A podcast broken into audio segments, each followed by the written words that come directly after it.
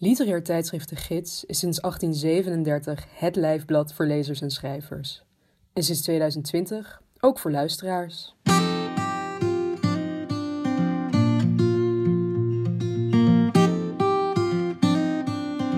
Je luistert naar Sprekende Letteren, een podcast waarin auteurs hun verhaal, essay of poëzie uit de gids voordragen. Maar we vragen ons ook af hoe klinkt literatuur die speciaal en alleen voor het oor is gemaakt. Deze podcastaflevering is het zesde audiowerk dat een antwoord geeft op die vraag. Het nieuwe nummer van de gids is geheel gewijd aan het massale uitsterven van planten en dieren. Mia Yu maakte daarbij de podcast Learning to Love My Inner Invasive Species. Mia onderzoekt in dit werk of zij zichzelf als een invasieve soort zou kunnen zien en of dat betekent dat er ook een positieve keerzijde aan deze benadeelde term zit.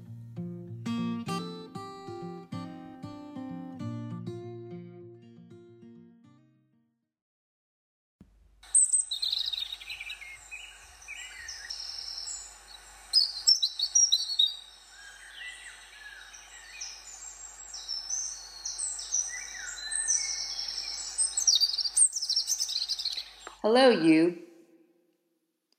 I also wanted to say this in Dutch, but I can't find a good way to do it.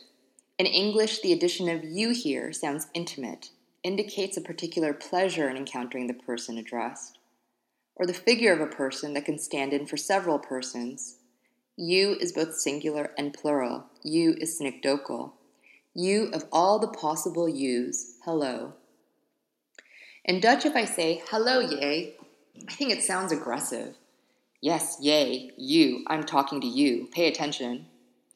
Or maybe I could say, Hello, Yuli Alamal, which sounds friendly, like something I would say upon entering a party, but this renders the second person pronoun into the explicitly plural, Hello, all of you. But it could just be one of you listening to me, just as it could be many. I could say, Hello, you spreek met Mia, me, may, again, a singular you that could stand in for many. But you're not speaking at all, are you? Or if you are, I don't hear it. This is a podcast, not a phone call. Hello, you. Hello, Yuli Alamal. Who are you? Earlier I said that you, the pronoun, stands in for the figure of a person. But what is that actually? A person. In the nation of my passport, a corporation could be a person, an unborn fetus could be a person. But a living adult woman, particularly if she's an undocumented immigrant, is less a person than either of these in the eyes of the law. For nearly the first century of the existence of the United States, a black American was considered three fifths of a person. The nation of my passport is not the nation in which I was born, nor the nation in which I'm currently speaking, nor necessarily the nation of my listeners. Perhaps my listeners live in a time and place and as a species that don't believe such borders, such definitions, such categories exist. Who is actually listening to me while I speak these words? In the room with me now is my dog, Gijs, who, to be honest, seems to me to feel more, think more, be more a person than any unborn human fetus. And I have carried, miscarried, and cared to a personhood several of these. Although he looks bored and sleepy, Gijs's head turned away from me and wedged into the armrest of a chair. I know that he can recognize and often listens for my voice. I know he understands my words when I say the word that is his name or the words that are out in Kukya. I know he acts with autonomy and intention when he hears these words from me because he also knows how to enact refusal. There are also insects I can't see, vases with some rose and fennel stems, two small lemon trees in a pot, and the door to the garden is open, so maybe my human neighbors can hear me, or maybe some birds and mice. Through a nature documentary, I learned that leafcutter ants produce a high frequency vibration with their jaws that saturates and then somehow stiffens the material composition of leaves, thereby making the leaves easier for them to cut. Perhaps an ant will notice while I'm speaking that a leaf has unexpectedly become harder or softer. This might also be a way in which an insect or plant listens to me. Most certainly, my computer is listening to me, and subsequently the information harvesters who use my computer to listen to me and to translate me into data. Maybe Facebook, maybe Google, maybe the security branch of the nation of my passport. It's hard to imagine any of them would be particularly affected by anything I have to say, but they ravenously hoard all of it nonetheless, I hear. Recently, my friend Stephanie Choi, a literature classmate who became an artist and architect, observed how listening, really listening to someone, is seen as a sign of loving them. Then who listens to us and loves us the most diligently and determinedly, she asked. Our devices, of course. As Roland Barthes says in an essay called Listening, the injunction to listen is the total interpellation of one subject by another. Listen to me means touch me, know that I exist. Hello, you. Hello, you met. Recently, I've become interested in literature and other artwork that attempt to convey the sounds of endangered or extinct non human species. The idea is that we somehow utilize human technologies, such as recording, rendering, language, and culture, to conserve, or at least to preserve, the non human species that our wielding of other human technologies, such as industrial farming, drilling, deforestation, and plastic, has heretofore driven to extinction.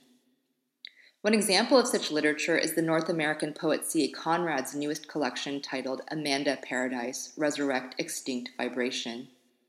For these poems, C.A. traveled across the 50 United States and would perform what they call a somatic exercise before writing. They would lie on the ground and saturate their body with audio field recordings of recently extinct animals.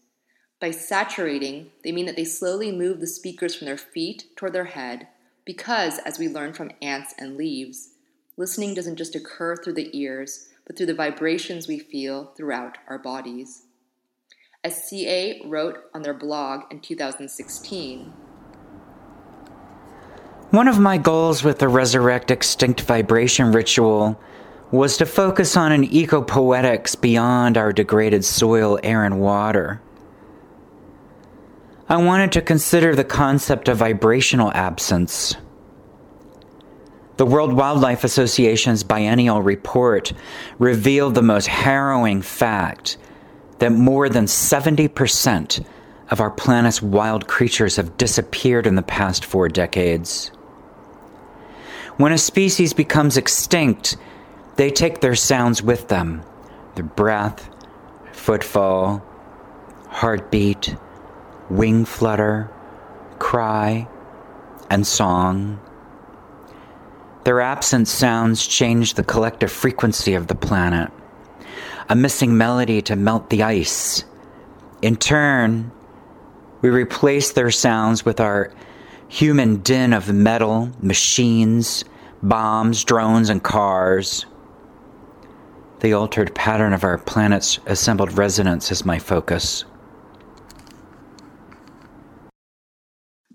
In this sense, CA's poems become a record of the vibrational effect the sounds of extinct non human species have on a human body. As CA makes clear, extinction is not just something that happens to other kinds of bodies. When a non human species becomes extinct, the composition of the human body, all human bodies, are also affected. When I was born over half a century ago, my infant cells proliferated on a significantly higher wild organic vibration than the cells of children born today. Resurrect momentarily returns the music of the disappeared back to the air, the body, and the land. Sound recordings, vibrations, poetry, these might feel to be inadequate consolations for the disappearance of an entire species. But as Judith Schalansky writes in an inventory of losses, Naturally, we can only mourn what is absent or missing if some vestige of it, some whisper, perhaps a little more than rumor, a semi obliterated trace, an echo of an echo, has found its way to us. The fact is that most humans remain oblivious whether inadvertently or willfully, to the fact that we have anything to mourn. In the last week of September 2021, the U.S. government declared 23 species extinct, including the ivory billed woodpecker, Bachman's warbler, and the little Mariana fruit bat. The Fish and Wildlife Service indicated that human activity was a crucial factor in these extinctions development in natural habitats, logging, water pollution, species being captured or killed by humans for other reasons, such as hunting or poaching, and climate change. And yet, we humans hardly took notice of this loss until a human led institution told us, too late, that we should. As the New York Times tells us, many of these species were likely extinct or almost so by the time the Endangered Species Act passed in 1973, so perhaps no amount of conservation would have been able to save them. In other words, this is just a bureaucratic extinction. The species have actually been gone for half a century already. Fifty years too late, we are hearing that whisper, that rumor, that echo of an echo. But what other consolation, what other ways to mourn and to warn does our world have? Hello, you met invasive sort. Hello, you. We humans are an invasive species. The Anthropocene is a plagued geological era, as if God was displeased with his non human creations and stretched out his hand over the land to bring a swarm of humans. Even our efforts at conservation can be so laughably human centric such as the rewilding projects where we designate a fixed, isolated space to the recuperation of a threatened or endangered species, or calls to save the bees, save the polar bears, or any single endearing type of animal. I read about the red deer and Konik ponies at Oostvaardersplassen, a nature reserve in Flevoland dedicated to rewilding, and learn how they have been starving to death because they are trapped and overpopulating within this reserve, all for the sake of what some human led institutions have determined is natural. Bureaucratic naturalism. The claim is that these animals are supposed to be native to this landscape and they are not allowed to migrate from it. Yet the landscape itself, a polder, has been reclaimed or reconstructed by humans out of the sea. In effect, we have taken these endangered species and turned them into invasive species, ostensibly for their own benefit. This land is yours, be rulers of it, we said, just like we humans made ourselves rulers of what was once your land. But my sense is that most animals don't want to be like humans. They don't believe in isolation borders, and the singularity of their species. Why is that so hard for us to accept? When I see pictures of the dying ponies, I feel a vibration inside me, the sound of jaws rubbing together, skin stiffening against bone, the terror of a world so designed toward their consumption that it leaves them starving. This is a human sound. I think that's where we'll be soon if we're left to our own devices. Hello, you. What are you? For that matter, what am I right now? What or who is speaking through my voice? In the essay In Memory of the Pterodactyl, The Limits of Lyric Humanism, British poet and scholar Drew Milne writes as writing the lyric is freed from the human clumsiness of speech, and in this freedom it is possible to imagine the voices of nature beyond the human. Last spring, through my computer screen, I attended a symposium organized by my colleague Kári Driscoll on the topic of extinction. Kauri also teaches literature at Utrecht University, and he is currently completing a project funded by the Dutch Research Council, or Nederlands Organisatie voor Wetenschappelijk Onderzoek, titled Reading Zoos and the Age of the Anthropocene. He is also managing editor of the journal Humanimalia, a word I can only say aloud very slowly and perhaps incorrectly. During Kári's symposium on extinction, I gave a talk loosely dealing with C.A. Conrad, Oostvaardersplassen, and biopolitics. But mostly it was an opportunity for me to prompt the various participants, zooming in from various parts of the world, to make bird sounds at their computer screens and then dance to each other squawking. At that point in the lockdown, I just wanted to know I wasn't talking at animated bobblehead icons on my computer screen, that we could be noisy and improvisatory and move around together, even if we weren't in the same space. I also like to say that this is creative, practice based research, because such a terrible phrase obviously deserves to be accompanied by bird squawks. But Kári is a more serious researcher than me, So I recently asked him to sit down with me, in person finally, although we live around the corner from each other, to talk me through another portmanteau, like Humanimalia, that is central to his research zoopoetics. There's a kind of around 1900, there's this crisis of, uh, of, ling- of language, the, this sort of despair that language cannot actually describe reality, mm-hmm.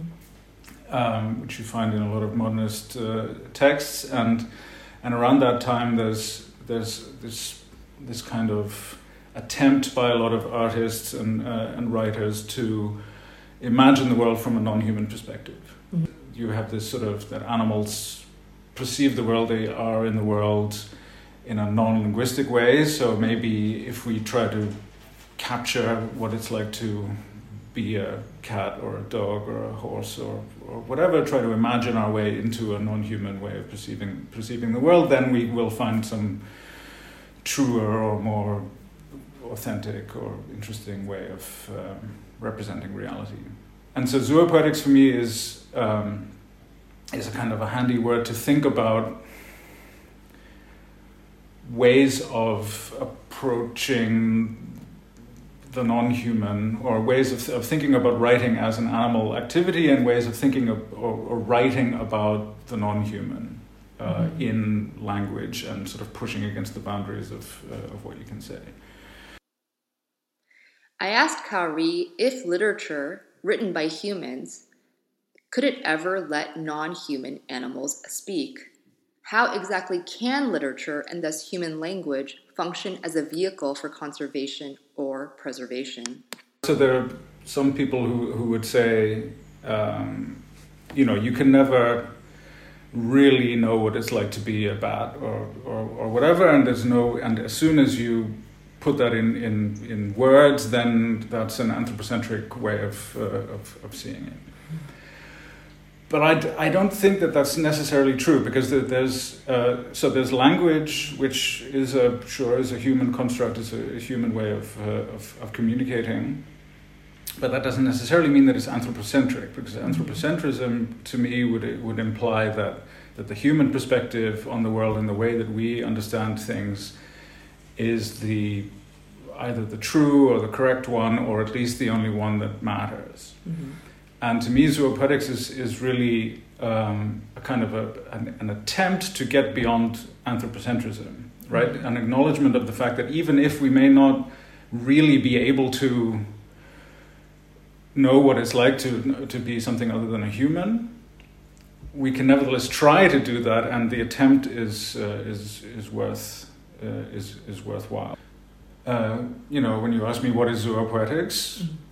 to a certain extent, all poetics is zoopoetics because mm-hmm. um, it's not like human forms of artistic expression came up in, in a vacuum. Yeah. It's always been a more than human endeavor and it's always been a kind of a multi species affair. And I mean, if you see some of, or basically any mythical origin story of the you know the origin of painting or poetry or dance or music or uh, or whatever it's always somehow that humans learned how to do this from by imitating animals. All forms of supposedly human cultural expression are actually uh, products of some kind of interaction between humans and non-humans.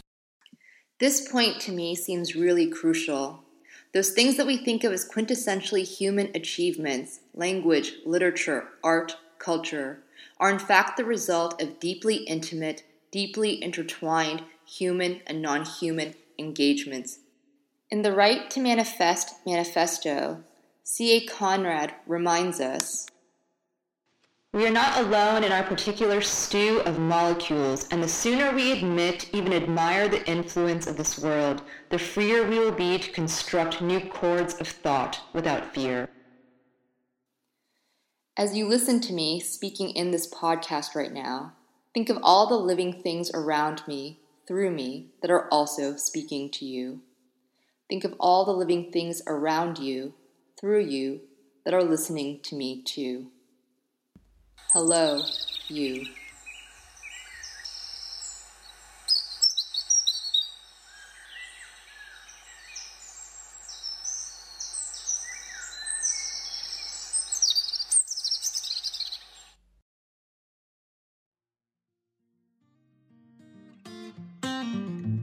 Je hoorde Learning to Love My Inner Invasive Species, een literair werk van Mia Yu. Mia Yu is geboren in Seoul, Zuid-Korea opgegroeid in Californië en woont nu in Utrecht, waar ze als universitair docent werkt aan de universiteit. Haar bundel I Too Dislike It kwam in 2016 uit. Benieuwd naar de andere bijdragen voor dit themanummer over uitsterven? Ga dan naar onze website www.de-gids.nl. Wat je ook kunt doen op die website is een abonnement afsluiten op de gids. Vanaf 20 euro per jaar ben je al abonnee en steun je het langslopende literaire tijdschrift van Nederland.